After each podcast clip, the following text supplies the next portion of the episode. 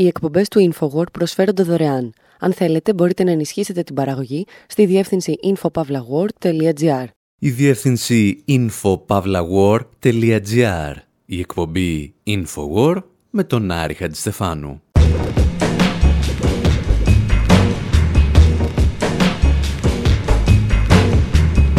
Όπου σήμερα ακούμε τραγούδια για όχι και τόσο φωτεινές στιγμές της ανθρώπινης ιστορίας που ίσως και να θυμίζουν σε ορισμένους την πολιτική του Ισραήλ εναντίον των Παλαιστινίων.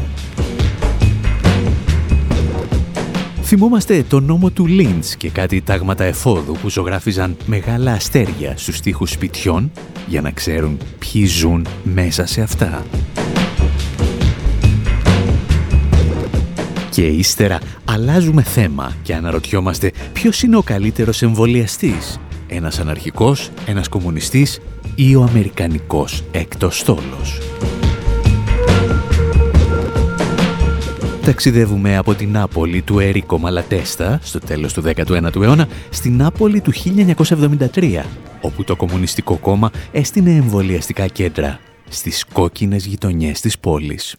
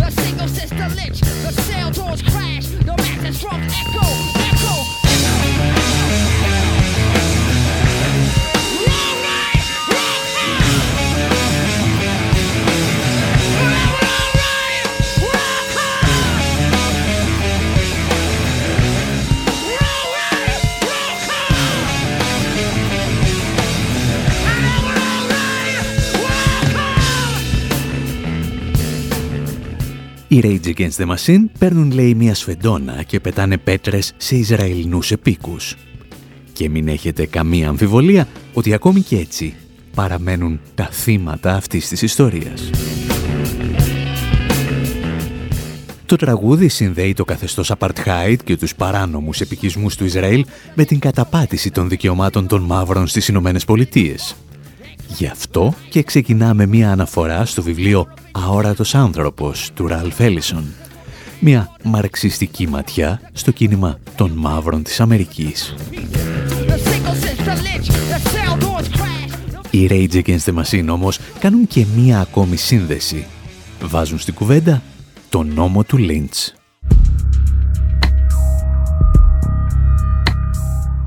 Τα περιστατικά μαζικής αυτοδικίας του πλήθους είναι παλιά όσο και οι ανθρώπινες κοινότητες. Το λιντσάρισμα όμως και ο λεγόμενος νόμος του Λίντς γεννήθηκαν στις Ηνωμένες Πολιτείες. Το πρόβλημα είναι ότι κανείς δεν μπορεί να μας πει με ασφάλεια ποιος διάολος ήταν αυτός ο Λίντς.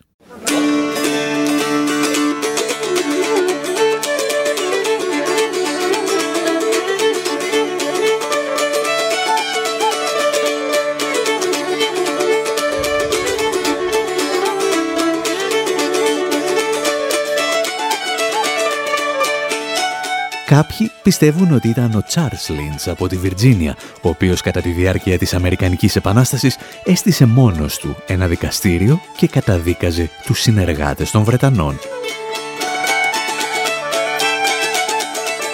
Άλλοι λένε ότι ο νονός του λιντσαρίσματος ήταν κάποιος William Lynch που έζησε την ίδια περίπου εποχή.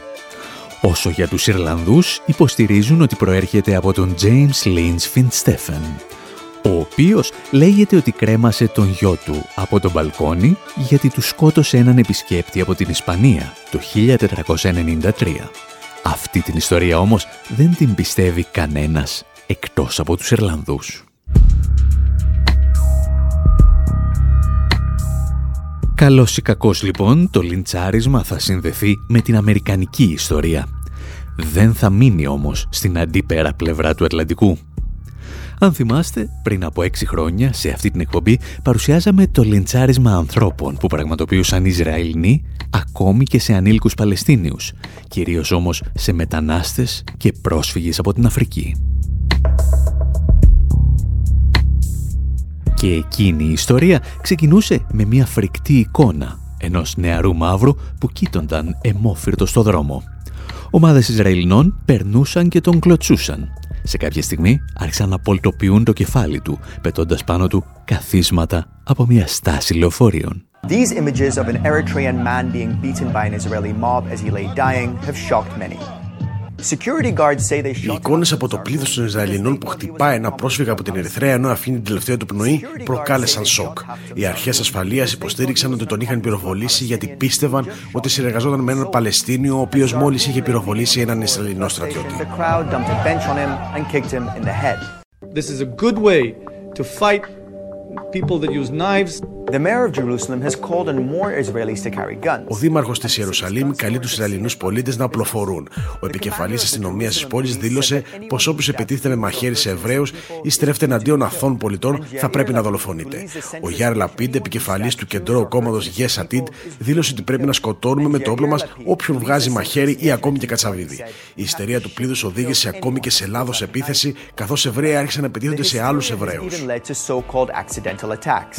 Jews mistakenly attacking other Jews. Αυτά λέγαμε το 2015 ακούγοντας τα ρεπορτάζ του Αλτζαζίρα. Μια κοινωνία όμως η οποία έχει αρχίσει να εθίζεται στον νόμο του Λίντς είναι δύσκολο να σταματήσει. כן, רכב ככל הנראה אפשר לראות כאן לינץ' בשידור חי. אנחנו רואים כאן לינץ', אנחנו רואים כאן στα μέσα Μαΐου του έτους 2021, οι Ισραηλινοί πολίτες με λοστούς, συνοδευόμενοι από σκυλιά, κατεβάζουν από τα αυτοκίνητά τους Άραβες πολίτες και αρχίζουν να τους ξυλοκοπούν ανελαίητα, πετώντας ακόμη και πέτρες στο πρόσωπό τους. Και η φωνή που ακούσατε νωρίτερα ήταν ένας παρουσιαστής δελτίου ειδήσεων, ο οποίος περιέγραφε το λιντσάρισμα σε απευθείας τηλεοπτική αναμετάδοση. Και εμείς είμαστε ακόμη στην αρχή των μουσικών μας αφηγήσεων.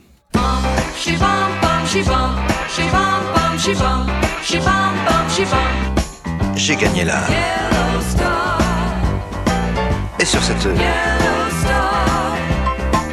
inscription fond jaune vif, il y a un curieux hiéroglyphe. Sur cette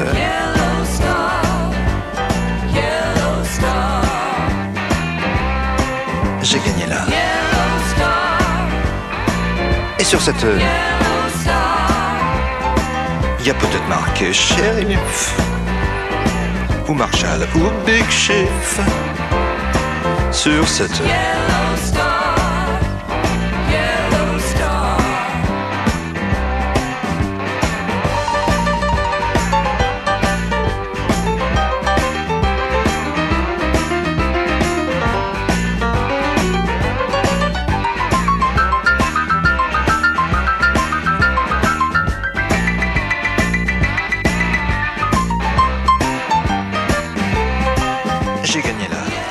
Σέρς Γκένσμπουρ περιγράφει με ρυθμούς εύθυμους την πιο τραγική περίοδο της ζωής του, όταν κέρδισε, λέει, το κίτρινο αστέρι. Και αναφέρεται προφανώς στο αστέρι που ήταν υποχρεωμένος να φορά στα παιδικά του χρόνια όταν ως Εβραίος ζούσε στην κατεχόμενη Γαλλία. Για την ακρίβεια, ζούσε στη Γαλλία του καθεστώτος Βυσί, δηλαδή των συνεργατών των Ναζί. Τα κίτρινα αστέρια που φορούσαν στα μπράτσα και στο πέτο οι Εβραίοι στην κατεχόμενη Ευρώπη συμβολίζουν όσο ελάχιστα στοιχεία την αποκτήνωση του ανθρώπινου γένους. Δεν αφορούσαν όμως μόνο τον ρουχισμό των Εβραίων. Στις 13 Μαρτίου του 1942 η Γκεστάπο διατάσσει τις δυνάμεις και τους συμμάχους της σε όλη την Ευρώπη να ζωγραφίζουν το αστέρι στις πόρτες όλων των σπιτιών όπου ζούσαν Εβραίοι. Και η ιστορία έχει αυτή την κακή συνήθεια σε ορισμένες περιπτώσεις να αντιστρέφει τους ρόλους.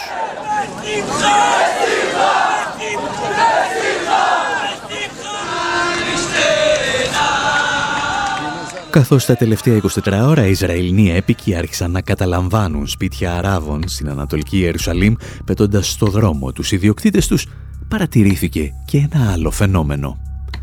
Τάγματα εφόδου έμπαιναν σε πολυκατοικίες και σημάδευαν με μπογιά τις πόρτες όπου ζουν οι Άραβες. Τους απειλούσαν μάλιστα ότι τώρα ήξεραν που έμεναν και θα επέστρεφαν. Και συχνά επέστρεφαν.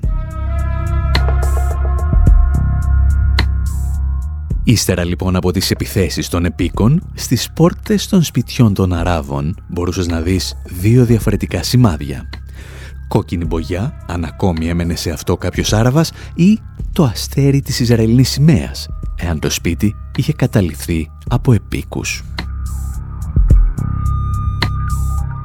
Γεγονός που μας οδηγεί στην τρίτη μουσική μας ιστορία.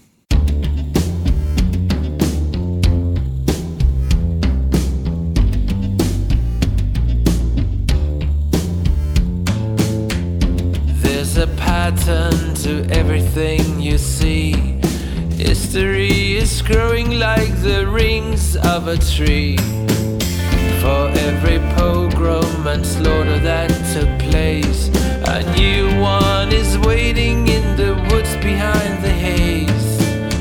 For every bubble that ever burst, new greed will spring just to quench the statue, the world is passing me by. Could you relive your life? Would you want to give it a try? Oh,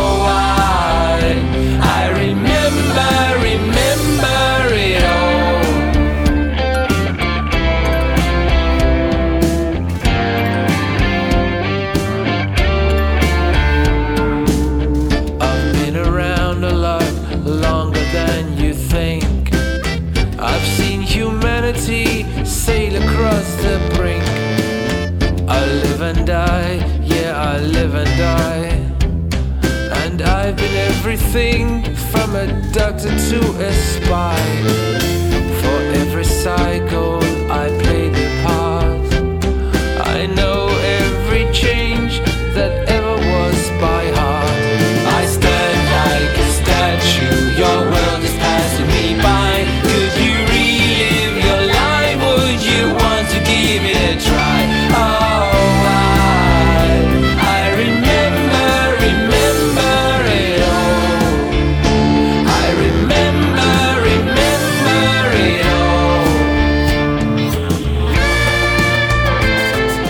Ένα τραγούδι με την υπογραφή Ράσμους Φίμπο εξηγεί τους τρόπους με τους οποίους η ιστορία επαναλαμβάνεται. Και ένα από τα στοιχεία που συναντάμε ξανά και ξανά, λέει το τραγούδι, είναι τα πογκρόμ. Η λέξη έχει σλαβικές ρίζες και εισήλθε στα αγγλικά για να περιγράψει τις μαζικές επιθέσεις εναντίον Εβραίων στη Ρωσική Αυτοκρατορία και άλλες περιοχές της Ευρώπης στο 19ο και τον 20ο αιώνα.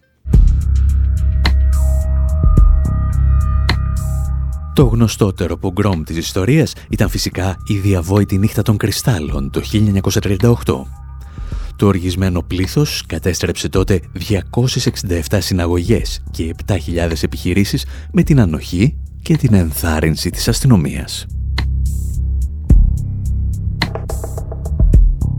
Αυτό που ξεχνάμε όμως είναι ότι και ελληνικοί πληθυσμοί έπεφταν πολύ συχνά θύματα πογκρόμ. Οι περισσότεροι θυμόμαστε μόνο τις επιθέσεις στην Κωνσταντινούπολη. Εξίσου μεγάλες όμως ήταν και οι επιθέσεις εναντίον Ελλήνων μεταναστών στις Ηνωμένες Πολιτείες και τον Καναδά.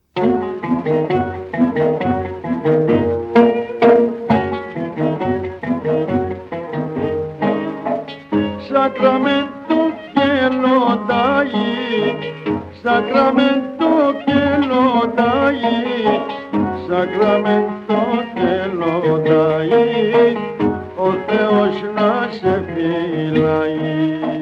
Στην Αμερική, τις επιθέσεις πραγματοποιούσαν συνήθως δυνάμεις της ρατσιστικής οργάνωσης Ku Klux Klan.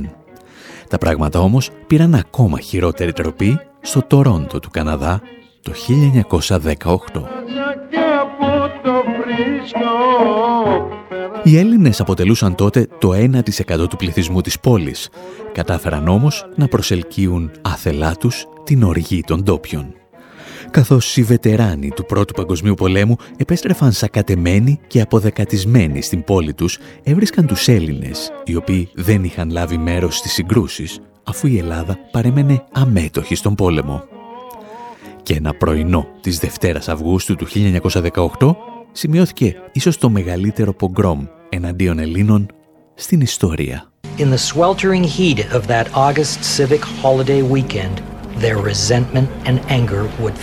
στην ανυπόφορη ζέση της εθνικής γιορτής του Αυγούστου, η οργή και η αγανάκτηση εξαράγει. Για τις επόμενες τέσσερις ημέρες, τουλάχιστον 50.000 κάτοικοι του Τορόντο ξεκίνησαν πογκρόμ στο κέντρο της πόλης, καταστρέφοντας κάθε ελληνικό εστιατόριο που μπορούσαν να βρουν. Ήταν μία από τις χειρότερες ξεγέρσεις εναντίον Ελλήνων στον κόσμο.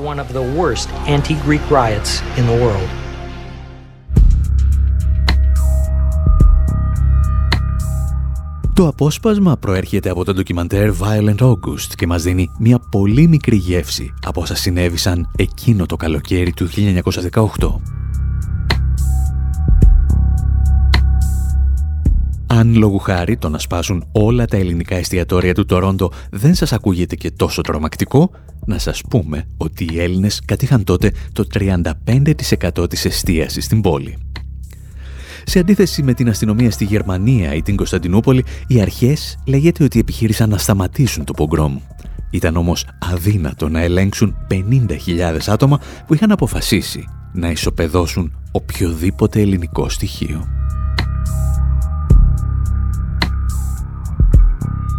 Μήπως επαναλαμβάνεται και αυτή η ιστορία; Ενδεχομένως ναι.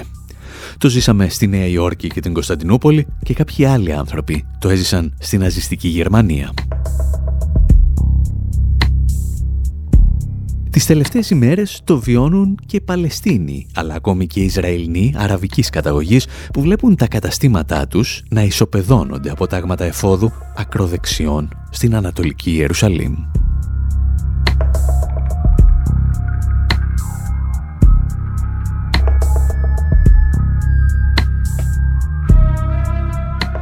Λιντσάρισμα ανθρώπων στο δρόμο, πογκρόμ σε καταστήματα και σημάδια με μπογιές στα σπίτια των Παλαιστίνιων. Και σήμερα συζητάμε μόνο για όσα συμβαίνουν τις τελευταίες ημέρες στην Ανατολική Ιερουσαλήμ, χωρίς δηλαδή να λέμε κουβέντα για τα δεκάδες παιδιά που στηβάζονται σε νεκροτομία της Γάζας. Είναι μία από αυτές τις στιγμές που οι στρατηγικοί μας σύμμαχοι έχουν κέφια Εσείς πάλι μένετε εδώ, γιατί στο δεύτερο μέρος της εκπομπής αλλάζουμε εντελώς θέμα. Θυμόμαστε τις ημέρες που αναρχικοί, κομμουνιστές και ο έκτος στόλος έσωζαν τα θύματα κάποιας πανδημίας.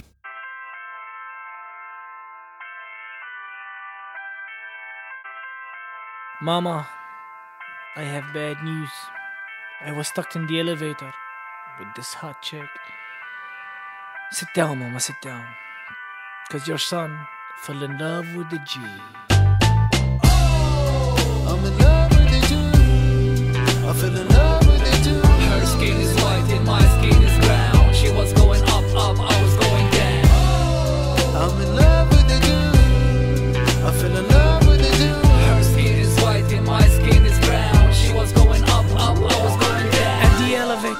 electricity. Between us there was electricity. Was it meant to be? Could she be the one? Her name is not Janie, but she's got a gun. Do I speak Hebrew a bit hard for me? Yeah, Shavoda means you got a job for me. Does she speak Arabic? She said a word or two. Wakif ya batukhak means freeze or I shoot.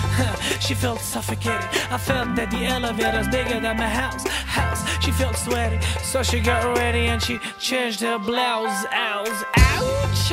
I had to make a move soon. Looks better on you. The green don't suit you. She was cool. She made a move too. She said without the sniper lens, you look cute too. Oh, I'm in love with you. I fell in love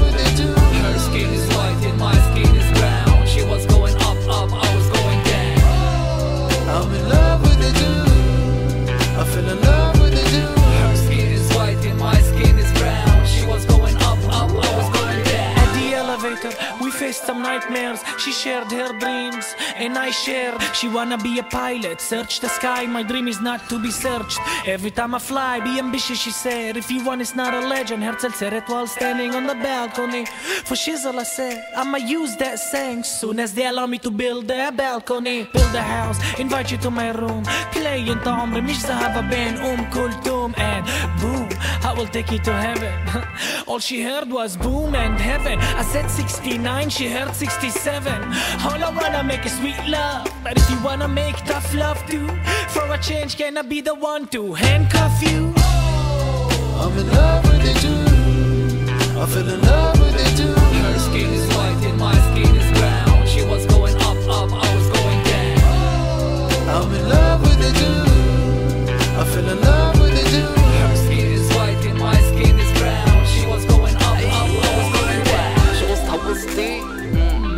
لما أنا أحكي وهي تحكي. أيوه. بتحب العرب هي قالت لي. بلحظة مطاعم البلد سمت. لي مسكت مشاعري. علاقة معك بدي أبني. حكت لي. وأنا بدي إياك تبني. مسكت شعري. فهمت أنا وياك بنلتقي. لما شغل عرب يبداو الاحتلال ينتهي.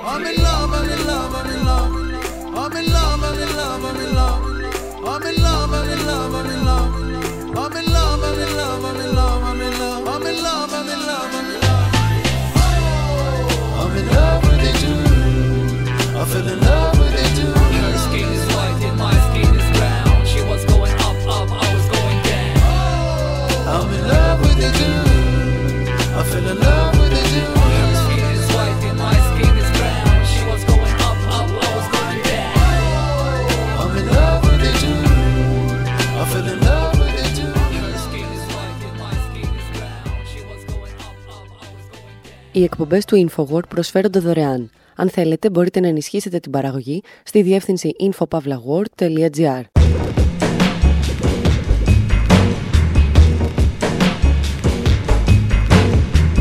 Η εκπομπή Infowar με τον Άρη Χατζηστεφάνου. Όπου σήμερα ταξιδεύουμε και στην Νάπολη του 1884 και σπάμε το lockdown μαζί με κάτι αναρχικούς.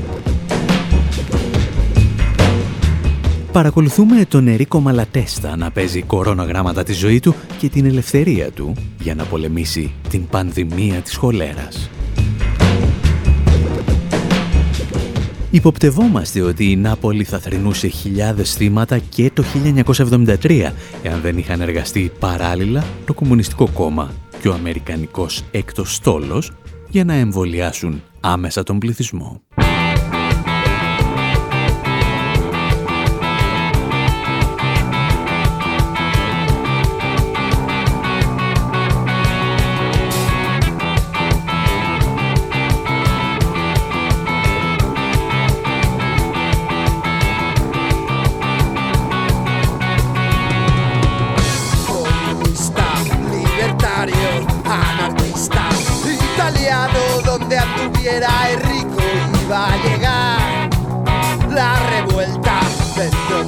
Va mala testa, dentro nuestro sus ideas, ni ejército, ni policía, ni autoridad, sin Estado.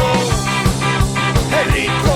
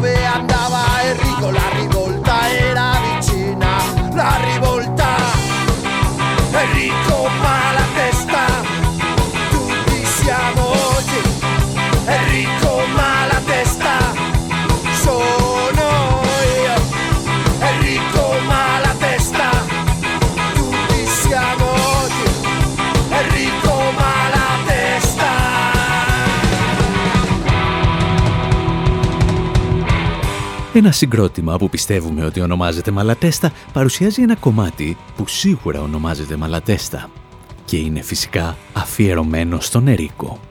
Μία από τις σημαντικότερες προσωπικότητες του αναρχικού κινήματος που δυστυχώς επισκιάστηκε από άλλα εξίσου μεγάλα ονόματα της εποχής του. Ο Μαλατέστα, σε ό,τι μας αφορά σήμερα, έζησε από κοντά μία από τις σημαντικότερες επιδημίες χολέρας που έπληξαν την Ευρώπη στο δεύτερο μισό του 19ου αιώνα και είχε ως επίκεντρο την Νάπολη.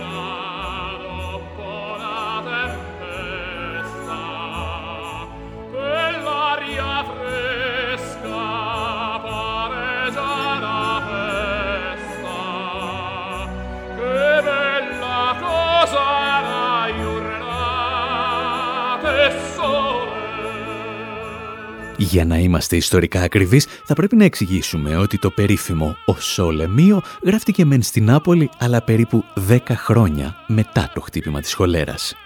Είμαστε όμως πολύ κοντά.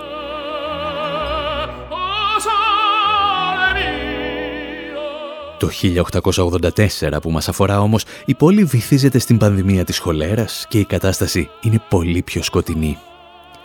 Για την ακρίβεια, οι ιστορικοί που έχουν ασχοληθεί με τη συγκεκριμένη περίοδο περιγράφουν εικόνες που μοιάζουν βγαλμένες από την κόλαση του Δάντη.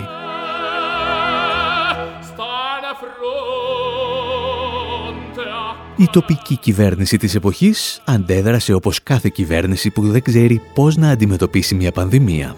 Επέβαλε στρατιωτικό νόμο και αυστηρό lockdown, ενώ κατέβασε στο δρόμο ισχυρές αστυνομικές δυνάμεις που τσάκιζαν τους παραβάτες στο ξύλο και στα πρόστιμα. Μια ομάδα αναρχικών όμως αποφασίζει τότε να σπάσει το lockdown μπαίνοντας στην αποκλεισμένη πόλη. Στόχος τους δεν ήταν να κατέβουν στις πλατείες για να πίνουν περιπτερόμπυρες, ούτε φυσικά να αμφισβητήσουν την ύπαρξη ή τις επιπτώσεις της πανδημίας. Στόχος τους ήταν να στήσουν δίκτυα αλληλοβοήθειας, προκειμένου να σώσουν τον πληθυσμό, τον οποίο είχε εγκαταλείψει το κράτος. Γνωστοί αναρχικοί της εποχής, όπως ο Ρόκο Λομπάρντο και ο Αντώνιο Βαλντρέ, προσβλήθηκαν και πέθαναν σε αυτή την ηρωική αποστολή αυτοκτονίας, αφού όμως πρώτα έσωσαν εκατοντάδες ή χιλιάδες συνανθρώπους τους.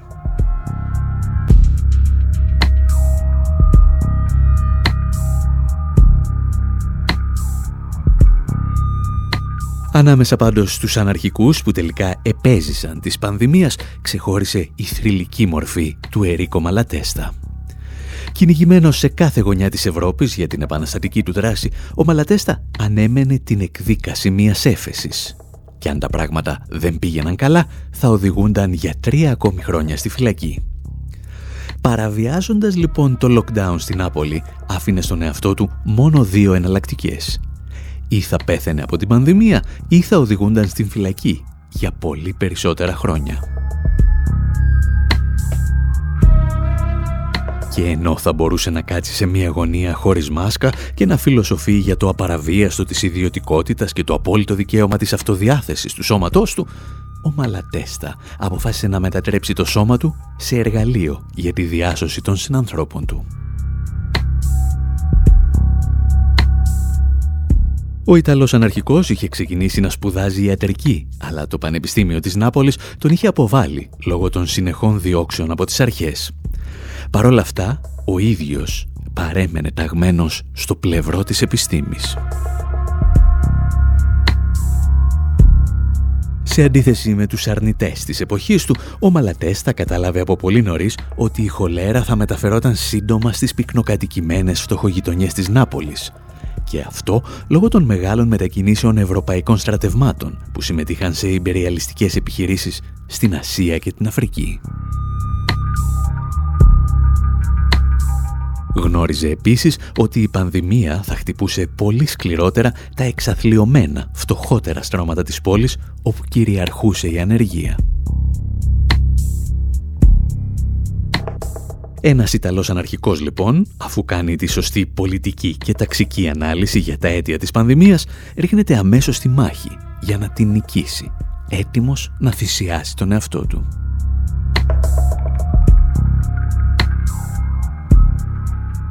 Το πρόβλημα ήταν ότι ιστορικά η πανδημία της χολέρας, δηλαδή η πανδημία της φτώχειας, συνέχισε να χτυπά την Ιταλία και συγκεκριμένα την Νάπολη. Οι Ιταλοί το κατάλαβαν και το 1973. Ευτυχώς όμως τότε είχαν στη διάθεσή τους τον Αμερικανικό έκτο στόλο, το Κομμουνιστικό Κόμμα και πολύ χαμηλά ποσοστά ψεκασμένων. Μια ιστορία που θα σας διηγηθούμε ύστερα από αυτό.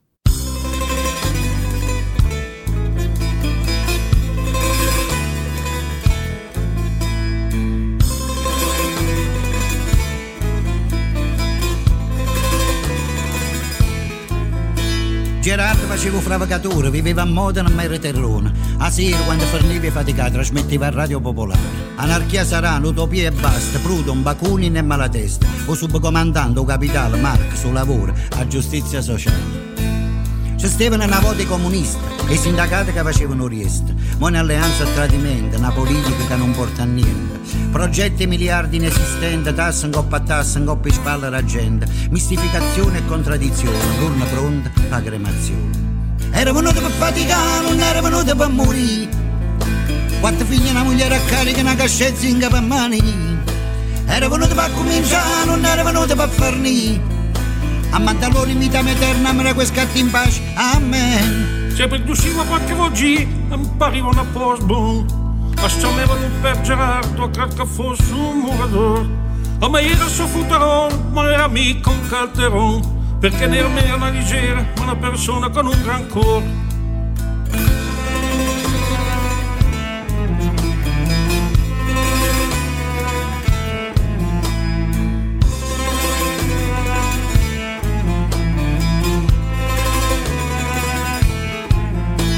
Gerardo facevo fravacatore, viveva a Modena a Mere Terrone. A sera quando forniva e trasmetteva a Radio Popolare. Ma senza alcuna protezione, caduto sul lavoro, morta anche prematura, sotto una nuvola, i poveri. Era venuto per faticare, non era venuto per morire. Quattro figli e una moglie a carica, una cascezza in capo a mani. Era venuto per cominciare, non era venuto per farni. A Maddaloni vita eterna, me la scatti in pace. Amen. Non è mia facile lasciare la cappa perché te che so da lavorare. Lasciare il paese con la moglie, lasciare dialetto, lasciare la vita. E nel finché fa la gente strana senza capire la loro carriera. Che ter lavoro, ter la morte, tutta la storia è già finita.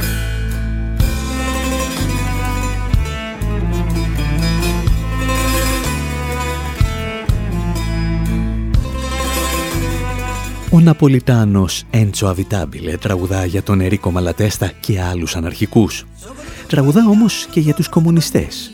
Και όπως έχετε καταλάβει θα τους χρειαστούμε όλους αυτούς για να μιλήσουμε για την Ιταλία στα χρόνια της χολέρας. 28 agosto 1973. Il Ministero della Sanità avanza il sospetto che Napoli sia stata colpita da infezione da vibrione colerico. Όπως ίσως καταλάβατε, ακόμη και αν δεν μιλάτε Ιταλικά, τον Αύγουστο του 1973 το Υπουργείο Υγείας προειδοποίησε για το ξέσπασμα χολέρα στην Νάπολη. Στην Ιταλία, οι μνήμες της χολέρας ήταν ακόμη νοπές από την επιδημία του 1911. Για την ιστορία, ήταν εκείνη η επιδημία που ενέπνευσε τον Τόμας Μαν να γράψει «Το θάνατο στη Βενετία», τον οποίο μετέφερε στη μεγάλη οθόνη ο Βισκόντι. Το πρόβλημα ήταν ότι αυτές οι μνήμες ξύπνησαν και τον Ιταλικό ρατσισμό, αλλά και διάφορους κοινωνικούς αυτοματισμούς σε άλλες πόλεις της χώρας. Τα εξηγούσε πρόσφατα στο Democracy Now! ο ιστορικός Frank Snowden. And uh, the cholera outbreak was in 1973 at one of the reasons that I was uh, uh, took up. Το ξέσπασμα χολέρα στην Ιταλία σημειώθηκε το 1973.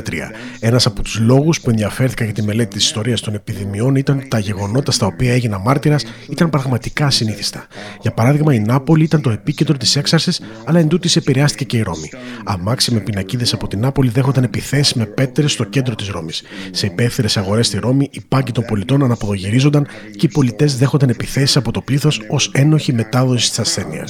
as being guilty of spreading the disease. Θα πρέπει κάπου εδώ να σημειώσουμε ότι με αφορμή την επιδημία στην Νάπολη το 1973, ο Φρανκ Σνόντεν έγινε ίσως ο σημαντικότερος ιστορικός επιδημιών στον κόσμο. Και ένα μήνα πριν από το ξέσπασμα της πανδημίας του κορονοϊού, είχε προβλέψει σε βιβλίο του ότι μία πανδημία βρισκόταν πρώτων θυρών. Εδώ όμως μας μιλά ακόμη για την Νάπολη του 1973. At the same time, uh, Italy, at this time, let's remember, was the seventh industrial power in the world in the 1970s. Πρέπει να θυμόμαστε ότι εκείνο το διάστημα, τη δεκαετία του 1970, η Ιταλία ήταν η 7η μεγαλύτερη βιομηχανική δύναμη στον κόσμο. Ο Υπουργός Υγείας αυτής της χώρας βγήκε στην τηλεόραση και είπε πως το μικρόβιο που προκαλεί τη χολέρα είναι εξαιρετικά ευαίσθητο στα οξέα. Πρότεινε στους πολίτες να πάρουν ένα λεμόνι και να στύψουν λίγο χυμό στους μύες τους και έτσι θα είναι εντελώς ασφαλή. Φυσικά, αν πιστέψεις κάτι τέτοιο, θα πιστέψεις σχεδόν οτιδήποτε. Ήταν τέτοιου είδους γεγονότα που μου τράβηξαν το ενδιαφέρον. This sort of event that caught my attention Το κράτος λοιπόν αντέδρασε αρχικά σπασμωδικά και με σκοταδισμό. Παρ' όλα αυτά, οι κάτοικοι της Νάπολης ήταν αποφασισμένοι να σώσουν τον εαυτό τους και γνώριζαν πολύ καλά ότι η μοναδική λύση ήταν ο άμεσος και μαζικός εμβολιασμός. Και τότε συνέβη κάτι μοναδικό. Μέσα σε πέντε μόλις ημέρες εμβολιάστηκαν 9 στους 10 Ναπολιτάνους, δηλαδή περίπου ένα εκατομμύριο άνθρωποι. Απέναντι σε αυτή την αποφασιστικότητα και την πίστη στην επιστήμη, η χολέρα δεν είχε πλέον καμία ελπίδα. Υπήρχαν όμως και δύο συγκεκριμένοι παράγοντες που έπαιξαν καθοριστικό ρόλο. Εν μέσω του ψυχρού πολέμου, δύο αντίπαλες δυνάμεις, χωρίς να συνεργαστούν, κινήθηκαν παράλληλα για να βοηθήσουν τους Ναπολιτάνους. Ο πρώτος ήταν ο έκτος στόλος των Ηνωμένων Πολιτειών.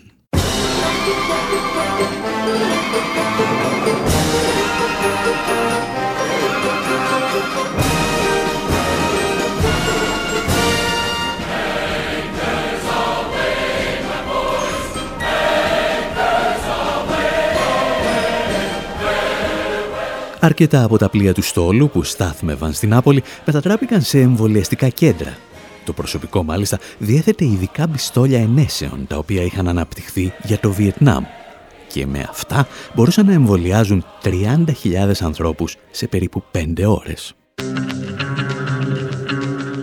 Σήμερα βέβαια όλο και κάποιος αντιεμβολιαστής θα πεταγόταν να πει ότι αποτελεί προσβολή της προσωπικότητάς του να τον αντιμετωπίζουν σαν ζώο και τότε κάποιος σπισιστής θα του απαντούσε «Γιατί, τι πρόβλημα έχεις με τα ζώα» και μετά θα πιανόντουσαν στα χέρια.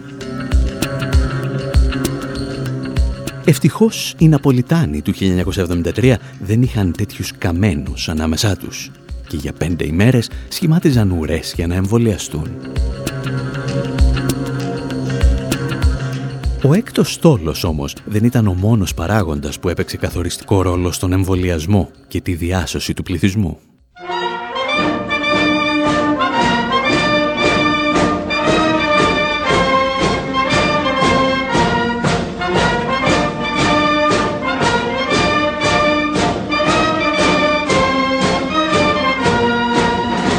Τα μέλη του Κομμουνιστικού Κόμματος στην Νάπολη μετέτρεψαν τις κόκκινες περιοχές της πόλης σε τεράστια εμβολιαστικά κέντρα, όπου οι Ναπολιτάνοι μπορούσαν να εμβολιαστούν ταχύτατα. Το κόμμα διέθετε τη θέληση και την οργανωτική δομή για να σώσει τις ζωές χιλιάδων πολιτών και έριξε όλες του τις δυνάμεις για τον εμβολιασμό. Και εσείς μπορείτε να φανταστείτε για λίγο τις ουρές στα εμβολιαστικά κέντρα όπου κοιμάτιζαν κόκκινες σημαίες και πεάνιζε το Αβάντι Πόπολο.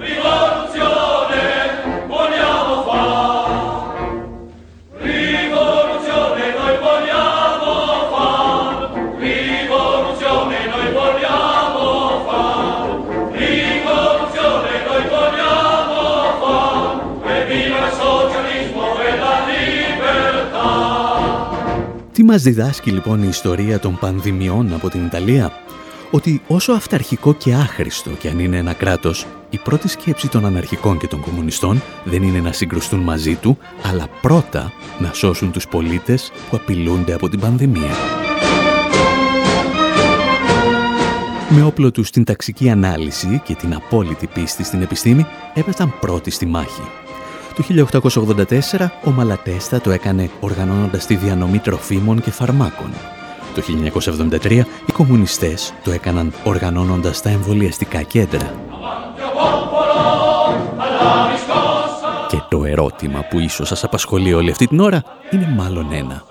Ο Μαλατέστα θα εμβολιαζόταν σήμερα ή θα έλεγε διάφορες ιστορίες ότι αυτή είναι μια συνωμοσία των πολυεθνικών του φαρμάκου, του Bill Gates και του Σόρος. Θα έκανε άραγε το AstraZeneca ή θα ανέλυε για ημέρες το δικαίωμα της αυτοδιάθεσης του σώματός του απέναντι σε ένα πολιταρχικό κράτος που θέλει να τον εμβολιάσει. Μία απάντηση έδωσε πρόσφατα από τη σελίδα του στο facebook ο Νόντας Κιφτούλης. Και αν δεν τον αδικούμε, είπε πάνω κάτω τα εξής. Ο Μαλατέστα όχι μόνο δεν θα σκεφτόταν μην τύχει να είναι ο ένας στους 100.000 που μπορεί να πάθει κάποια θρόμβωση, αλλά αν μπορούσε θα γινόταν πειραματόζω για να παρασκευαστούν και νέα εμβόλια. Γιατί το να είσαι αναρχικός και κομμουνιστής σημαίνει να κάνεις πάντα ό,τι απαιτεί το καλό του συνόλου. Εάν σε ενδιαφέρει μόνο ο εαυτούλη σου, είσαι απλώς νεοφιλελεύθερος. Ενδεχομένως σε άρνηση. Εμείς πάλι, κάπου εδώ, με αυτά τα εξοργιστικά, λέμε να σας αφήσουμε και για αυτή την εβδομάδα. Στη σελίδα μας infopavlawar.gr μπορείτε να ακούσετε μερικές εκατοντάδες εκπομπές σαν και αυτή και να διαβάσετε για όλες τις εξελίξεις όπως εμείς τις αντιλαμβανόμαστε. Μέχρι την επόμενη εβδομάδα, από τον Άρη Χατζηστεφάνου στο μικρόφωνο, τον Ανδρέα Κοσιάρη στις μεταφράσεις και τον Δημήτρη Σταθόπουλο στην τεχνική επιμέλεια, γεια σας και χαρά σας. Siamo la ciurma nemica d'una galera infame su cui ratta la morte miete per lenta fame ma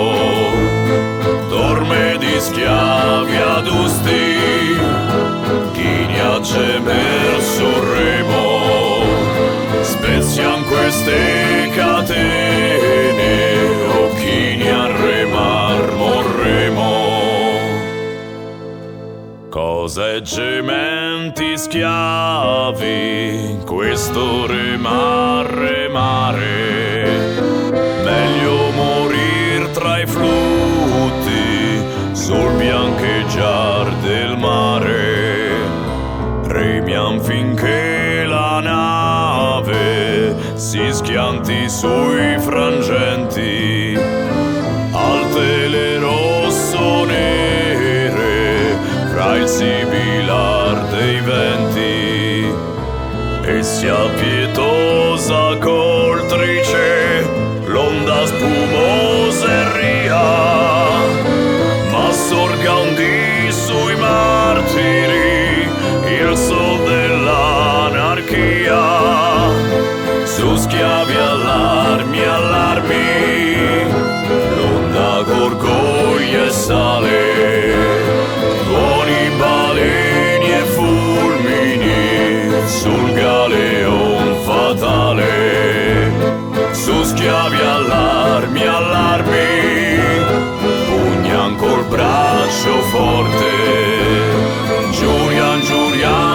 justiția, o libertate, o moarte.